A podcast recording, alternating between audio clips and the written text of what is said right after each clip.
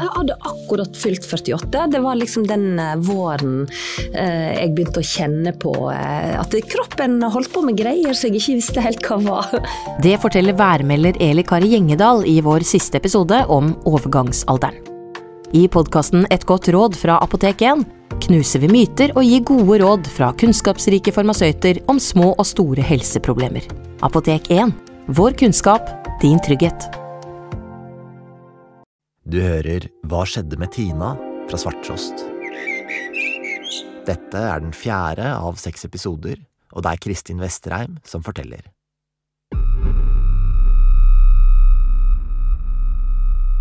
Det siste året har politiet hatt stort fokus på Tina sin kjæreste. De har lagt fram flere teorier om hvorfor han er gjerningsmannen, men ingen har vist seg å holde vann. Og så er jo Kjæresten står jo fortsatt på lista. De har liksom aldri helt klart å glemme han. da. De var overbevist om at eh, de hadde drapsmannen da de, eh, da de tok inn eh, kjæresten til Tina.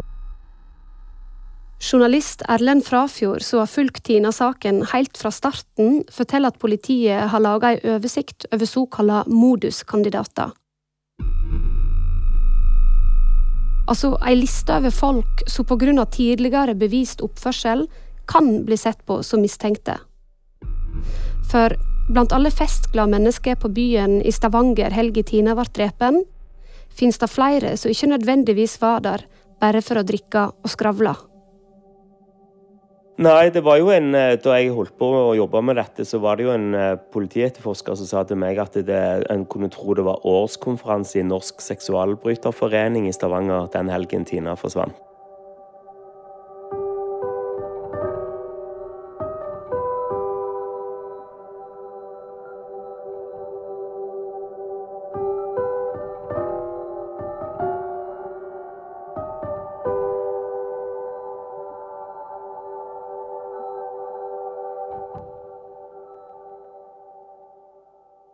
Det er flere modus som passer i Tina sin sak. Ett modus er at drapet er seksuelt motivert. Men på grunn av miljøet i dreneringskummen er det få biologiske spor både på kroppen og i kummen. En kan derfor ikke konkludere med at motivet er sex, men det er likevel en indikasjon, siden skjørtet hennes er heist opp og både trusa og strømpebuksa er fjerna. Et annet modus er volden som er påført. Drapsmannen har slått og slått i et voldsomt raserianfall eller i panikk. Altså leter politiet etter en person som har gjort noe lignende tidligere. Jeg tenker nok at det er veldig få mennesker i Norge som eh, har dette moduset, som kan begå et drap på den måten.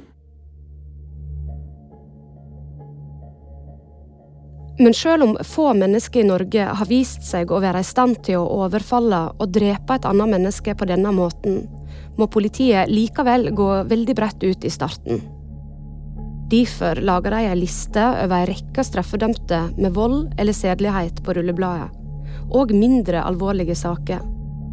Politiet vil nødig miste viktig informasjon innledningsvis. Lista med kandidater blir lang. Jeg tror den var over 100 på et tidspunkt. Bjørn Kåre Dahl i Stavanger-politiet leder etterforskningen på dette tidspunktet. Så ble jo det fort kobla inn i et sånt alibiprosjekt for å finne ut kan det være de. Og når du ikke da får sjekke ut de 100% fordi at de har vært ute og trilla på aktuelt tidspunkt, ja ja, så sitter du der egentlig og er litt sånn hm, Kan det være de, eller kan det være den andre, eller den tredje, eller den fjerde? Altså, det, det, er jo krevende. Men da må vi ta tak i det vi har, og det vi vet.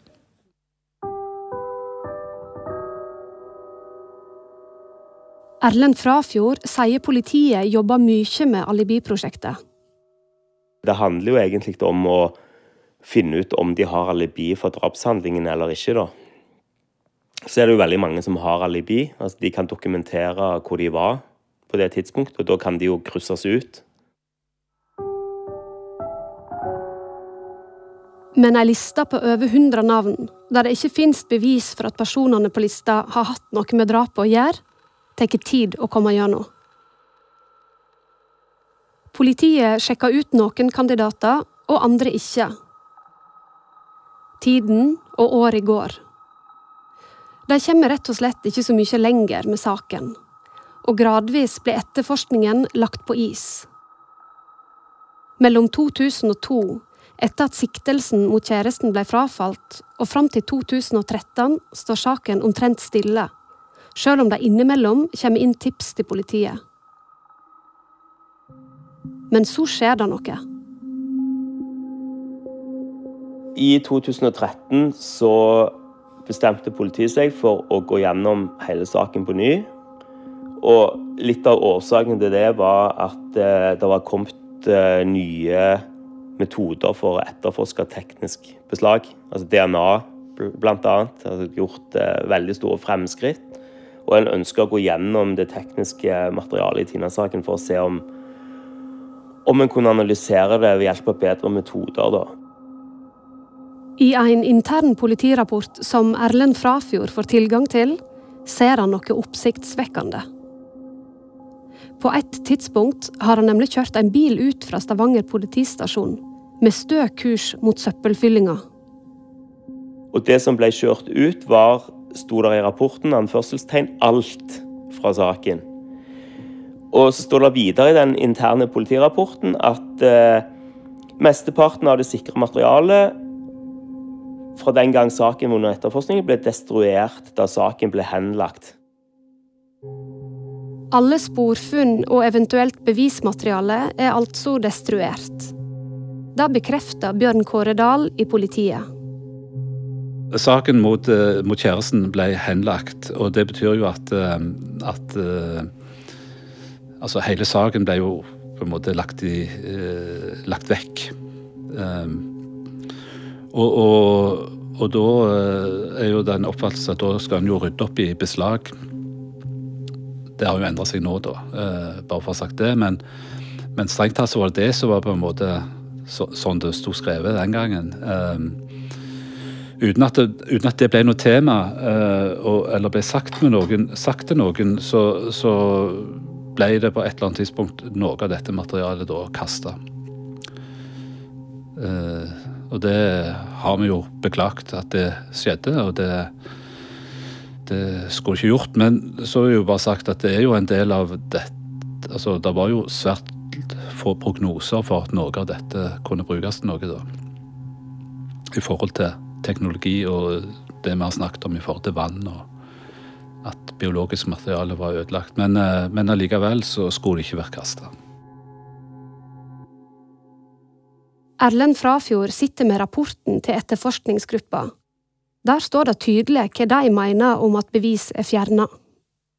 Det mest frustrerende var at en ikke fikk benytte ny teknologi på spormateriale fra avdøde Tina som følge av at dette var kastet. Så så det var stor frustrasjon blant den etterforskningsgruppen som ble satt ned i 2013, da de oppdagte dette. Altså det, de, de, hadde jo en idé om at de skulle sette i gang ny teknisk etterforskning, og så viste det seg at veldig mye av materialet var borte. da. Det ble lett etter dette materialet flere steder i, i Stavanger, og det var ikke noen skikkelig loggføring. Så de lette på et lager hos Sivilforsvaret, og de lette på et lager i nærheten av politihuset.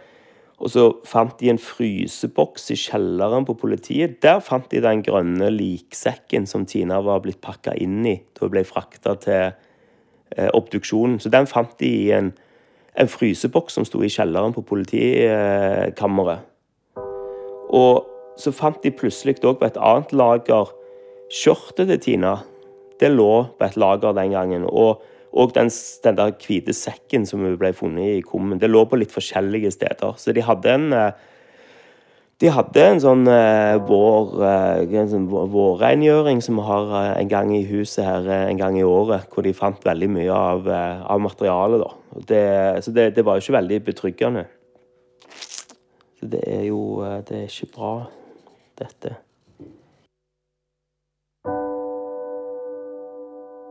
Uten spor og biologiske bevis må politiet tenke nytt.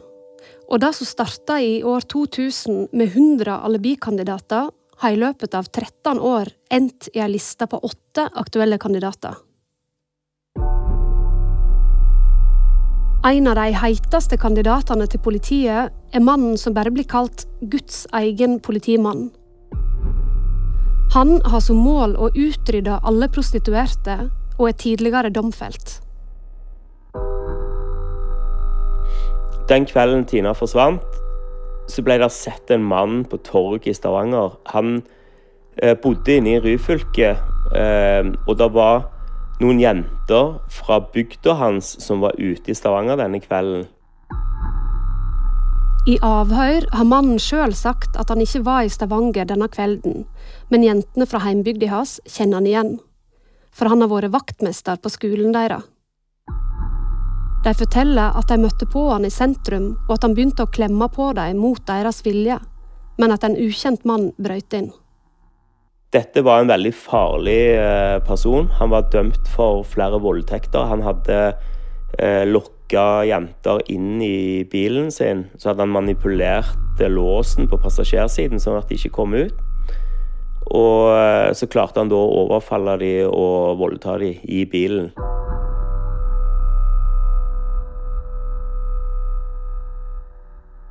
Den første dommen mot mannen kommer i 1994. Da blir han dømt for å ha voldtatt to jenter som satt på i bilen med manipulert lås. Han brukte grov vold, og begge jentene frykta for livet. For dette må han sone to år. Halvannet år etter at Tina ble drepen, er mannen i gang igjen. Da stjeler han en uniform fra brannstasjonen i Stavanger og reiser rundt som Guds sendebud på inspeksjon hos kjente prostituerte.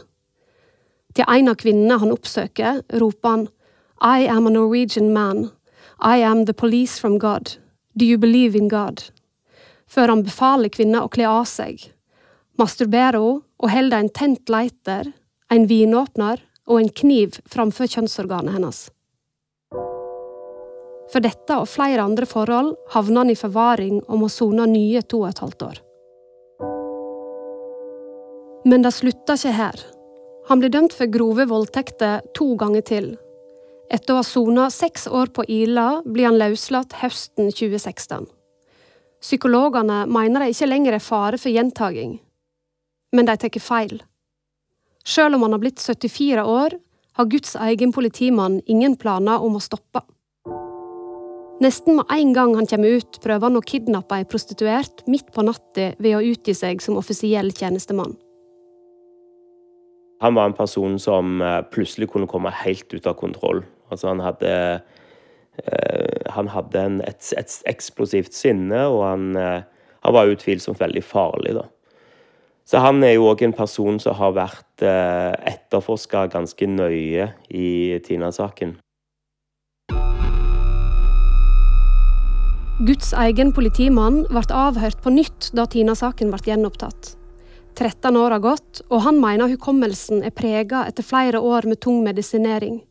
I Tina-saken har han ingenting å bidra med i avhøret. Når det gjelder de prostituerte, har han ikke skifta syn. De må vekk og få seg et normalt arbeid, sier han. Guds egen politimann ble observert på Stavanger torg da natta, og var sannsynligvis like i nærheten av Tina da hun ble sett der for siste gang. En av de andre toppkandidatene til politiet i uh, Tina-etterforskningen, det er jo Karmøy-mannen. Journalist Erlend Frafjord har fulgt denne personen nøye gjennom flere år. Karmøy-mannen er en mann som bor delvis i Stavanger hos en tremenning i Stokkavegen like utenfor sentrum. Han er dømt flere ganger for å ha brutt seg inn til damer, hvor han har stjålet sko, undertøy, klær. Eh, hadde veldig spesielle tilbøyeligheter. Han eh, er tatt flere ganger for blotting. Eh, på Karmøy så er han dømt for grov sedelighetskriminalitet. Men han er òg dømt for å ha slått en kvinne i hodet med, med en sykkelpumpe mange ganger, sånn at hun mista bevisstheten. Eh, kunne òg blitt veldig farlig. Det aller groveste tilfellet er da han oppsøkte sin egen psykolog hjemme i stua hans. Tok seg inn helt eh, uten videre og overraska han hjemme. Eh, holdt en taustump rundt halsen, sånn at hun nesten ble kvelt. Heldigvis røyk denne snoren før hun døde. I en tidligere dom fra Gulating lagmannsrett beskrives Karmøymannen sin personlighet som en som blir forbundet med pedofili, ekshibisjonisme og kikking. Han er svært opptatt av sex. Dette han levd ut ved å samle på kvinneklær og sko som han stryker på medan han onanerer. Andre mennesker blir objekt og kulisse, og impulskontrollen svikter fullstendig.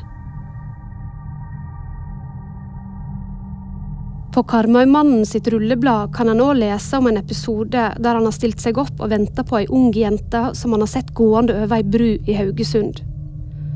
Da hun er over brua kommet, tar han tak i henne og presser henne opp mot en murvegg og beføler henne. Men jenta klarer å komme seg løs og springer av gårde. Vi vet at han var i Stavanger denne helgen fordi at han eh, kolliderte med en taxi nær Stavanger sentrum, så det ble fulgt ut et skademeldingsskjema. Så vi er helt sikre på at han, at han befant seg i Stavanger drapshelgen da Tina forsvant. Mannen dukker òg opp noen år seinere i det som er en av de mest omtalte kriminalsakene i Norge. Som hovedmistenkt i Birgitte Tengs-saken. Men på dette tidspunktet i etterforskningen av Tina-saken er han bare en moduskandidat og går under navnet Karmøymannen.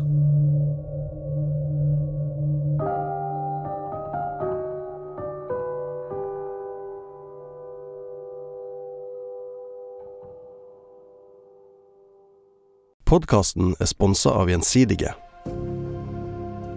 En av våre kunder sto opp på natta, tok seg et glass vann, og når han kommer ut på kjøkkenet, så ser han at radioen rett og slett står og brenner. Du hører Rune Nilsen.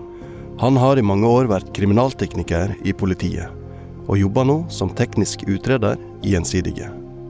Han forteller om ei skremmende opplevelse. En mann oppdaga tilfeldigvis en brann i sin egen heim.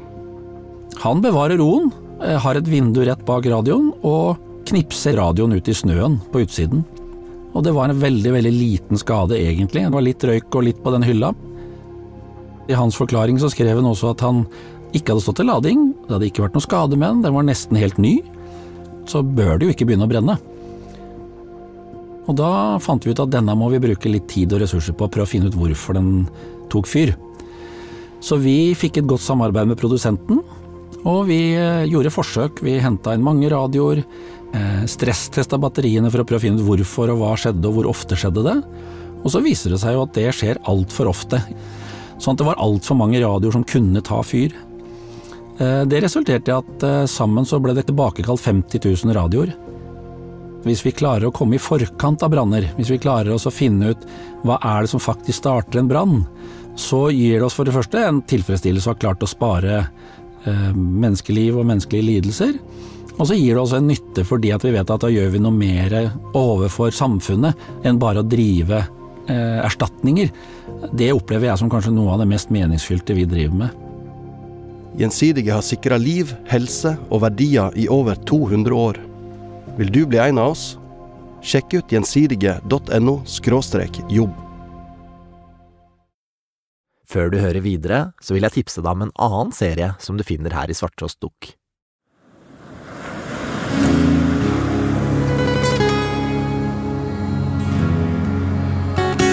Den 2. juli 2013.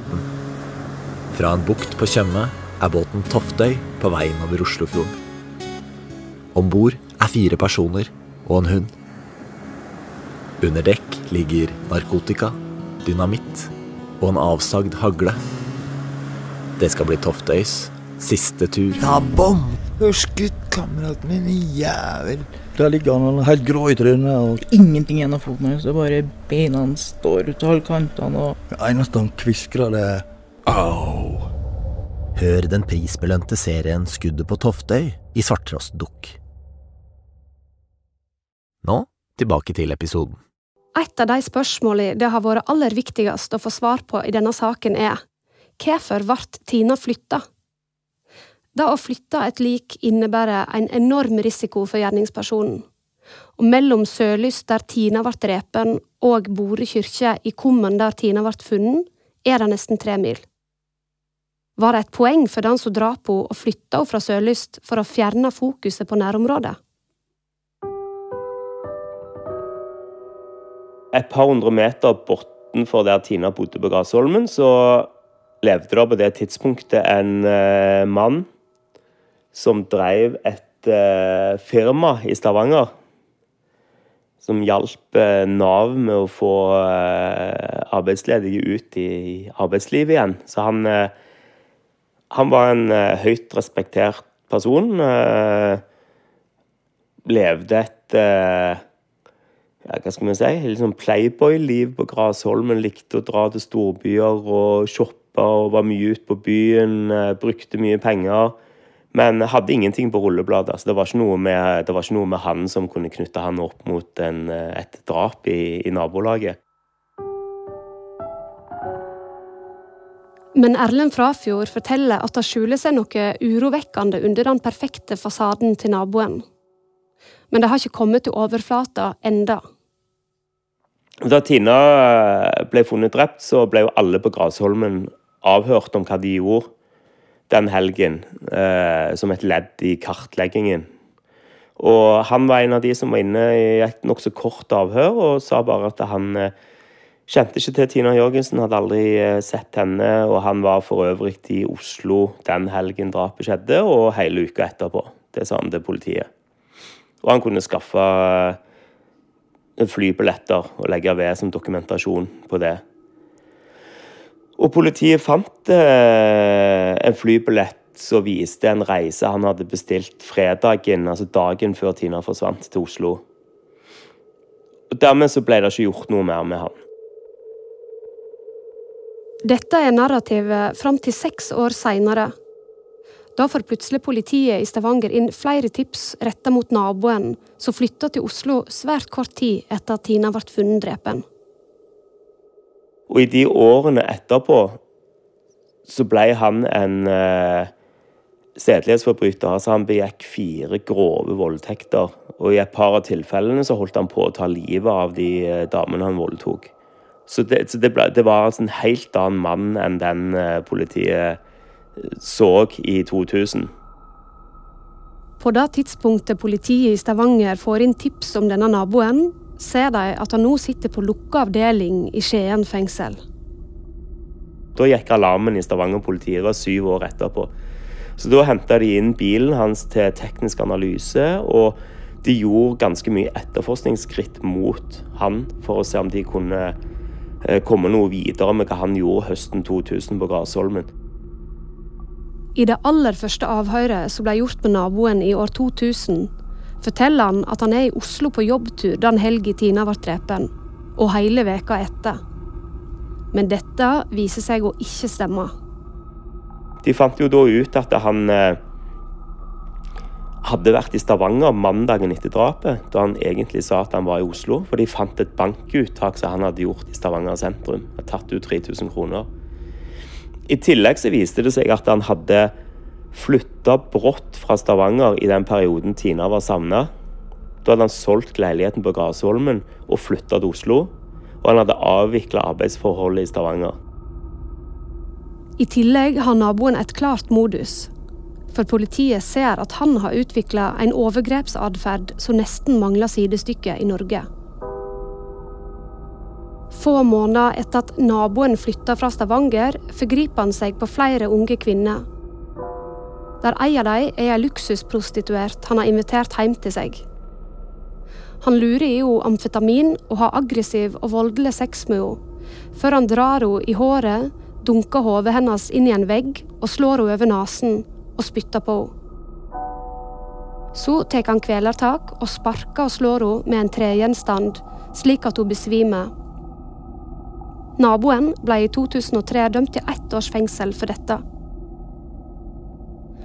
Det å slå kvinner, både mot neserota og i bakhovet med gjenstander, var et særtrekk ved naboen.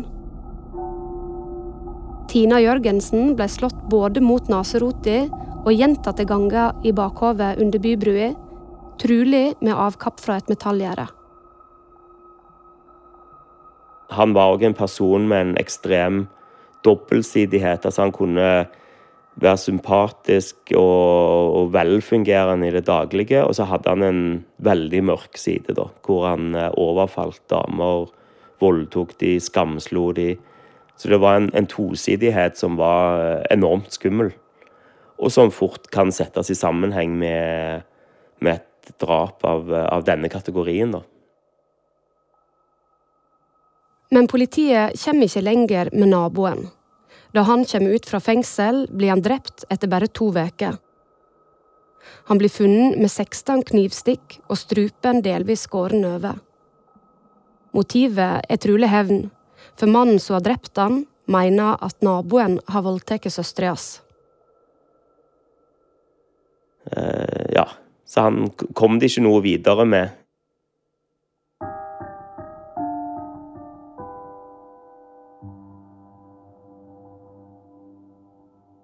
Den dagen Tina ble funnet i kummen på Bore kirke, leita altså politiet egentlig etter et våpen brukt i ranet av den lokale entreprenøren TS Stangeland. Da de fant Tina og ikke et våpen nede i kummen, var det derfor helt naturlig å undersøke om det kunne være en sammenheng mellom de to hendelsene. For hvorfor akkurat Bore kirke? Han ene av de to ranerne som var inne hos TS-en, det var en ung mann i begynnelsen av 20-åra. Og i den perioden Tina var savna, så prøvde jo politiet å få ut opplysninger fra informanter i det kriminelle miljøet, både i Sandnes, Stavanger og på Jæren, om det var noen som kunne vite hva som hadde skjedd med Tina Jørgensen. Og han ene av disse ranerne han sier da til politiet at uh, han har ikke noe kjennskap til, til Tina Jørgensen, eller hvor hun kan ha blitt av. Men så spør han politiet er det ikke vanlig å få folk til å forsvinne i kummer. Dette er jo et tidspunkt et par uker før Tina blir funnet i kummen. Så da Tina noen uker seinere nettopp blir funnet i en kum, blir politiet veldig interessert i det denne ene raneren har sagt i kildesamtale tidligere. Da kaller de han inn til et offisielt avhør og konfronterer han med det han har sagt noen uker før, at en kan jo forsvinne i kum. Så hvordan kunne han vite det? Når han hadde parkert denne ransbilen rett ved der Tina lå på det tidspunktet. Da nekta han for å ha sagt dette til politiet i det hele tatt. Han kunne ikke skjønne hvordan de hadde dette, hvor de hadde dette fra. At, eh, at han hadde sagt at du kunne få folk til å forsvinne i kummer, det var aldri noe han hadde sagt. Og eh, en kom jo heller aldri videre med, med, den historien, fordi han eh, døde av en overdose noen måneder seinere, mens han var, sto tiltalt for dette ranet. da.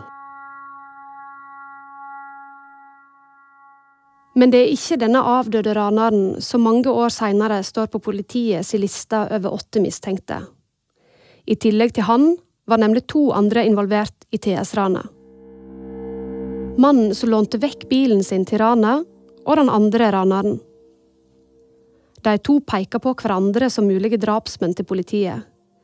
Begge beskylder den andre for å ha vært i nærheten av Tina natta hun forsvant.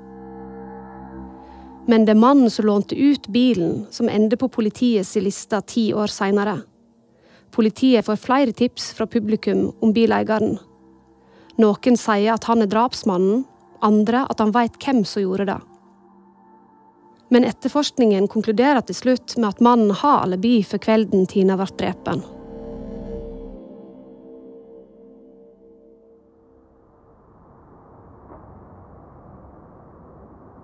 75 pirattaxisjåfører og passasjerene deres ble avhørt om hva de foretok seg natt til 24.9.2000. Noen av piratsjåførene ble etterforska tett, men til slutt var det bevegelsene til en ordinær taxisjåfør som politiet interesserte seg mest for. Det var en taxisjåfør som, eh, som nekta for å ha kjørt taxi den helgen eh, Tina ble drept. Han sa at han var i en 40-årsdag. Mannen nekta. til tross for at han i loggbøkene er oppført som sjåfør på en av bilene i Stavanger. Kona til mannen er òg taxisjåfør. Hun sa akkurat det samme, at hun hadde heller ikke kjørt denne helgen, for hun var med mannen sin i 40-årsdagen. Og Så hadde de en fast reservesjåfør, og han meldte fra til politiet at han eh, kjørte taxi denne helgen for at de to andre ikke kjørte. Og Så viser det seg da politiet går inn og sjekker dette nærmere, at alt er feil. For òg kona står i loggbøkene som sjåfør da natt natta Tina ble drept. Og siden denne reservesjåføren neppe kan ha kjørt for begge to, sjekka en politimann fødselsdatoen til 40-årsjubilanten og ringer han for å spørre når festen har vært. Det viser seg at 40-årsdagen er ei helt anna helg.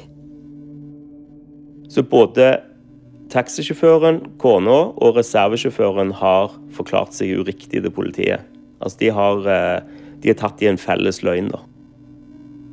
Og verre blir det når politiet etter hvert får tak i kjøreloggen og finner ut at taxisjåføren har skrudd av GPS-en på bilen sin i én time, fra klokka 2.13 til klokka 3.16.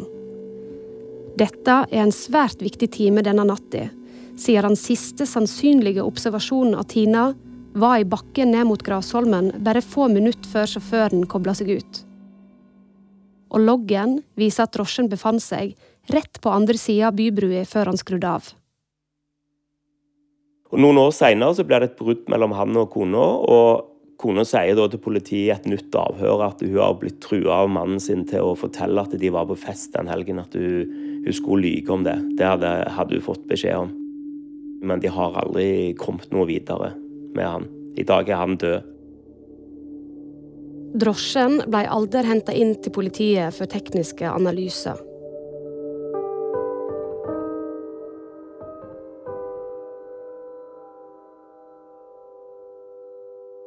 Det er noen kandidater til på moduslista til politiet. Blant annet en pirattaxisjåfør som blir dømt for falsk forklaring.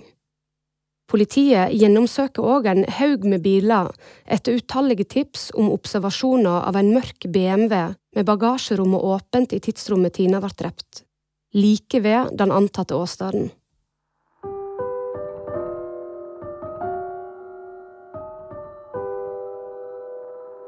Tina sin kjæreste er òg en av de åtte på lista moduskandidater. Politiet gir ikke slipp på teorien om at han kan stå bak, og han blir aldri helt sjekka ut av saken, sjøl etter at Riksadvokaten henla saken mot han. Kjæresten sin forsvarer Atle Helgesen forteller at mistanken preger han.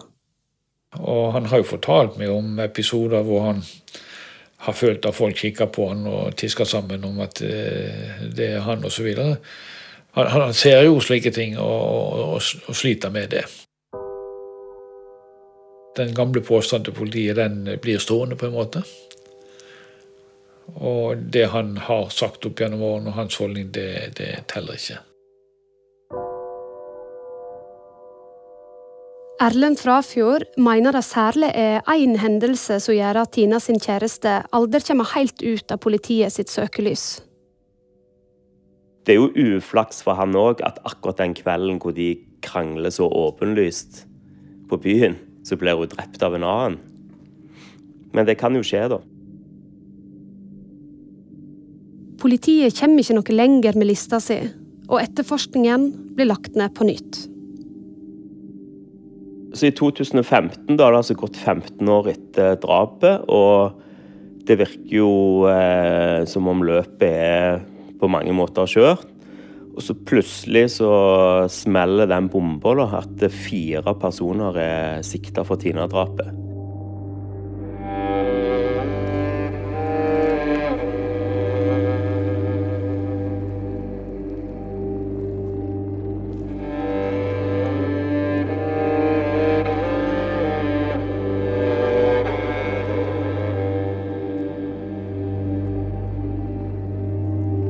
Hva skjedde med Tina? er laga av Kristin Vesterheim og Line Alsaker i Fenomen. Klipp ved Tormod Brekke Øie.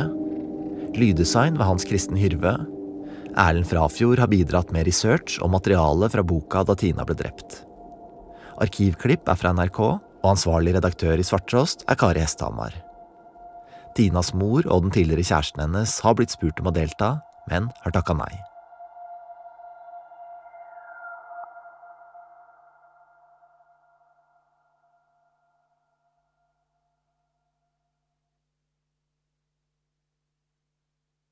Hvis du vil høre hele serien med en gang, uten annonser, så kan du bli abonnent på Svarttrost Dukk. I podkastspilleren til Apple gjør du det ved å trykke på abonner-knappen, og hvis du hører gjennom Spotify eller andre spillere, så kan du følge lenka i episodebeskrivelsen. Da får du også tilgang til alt det andre vi har laga her i Svarttrost Dukk, og du er med å støtte oss, sånn at vi kan lage flere dokumentarserier framover.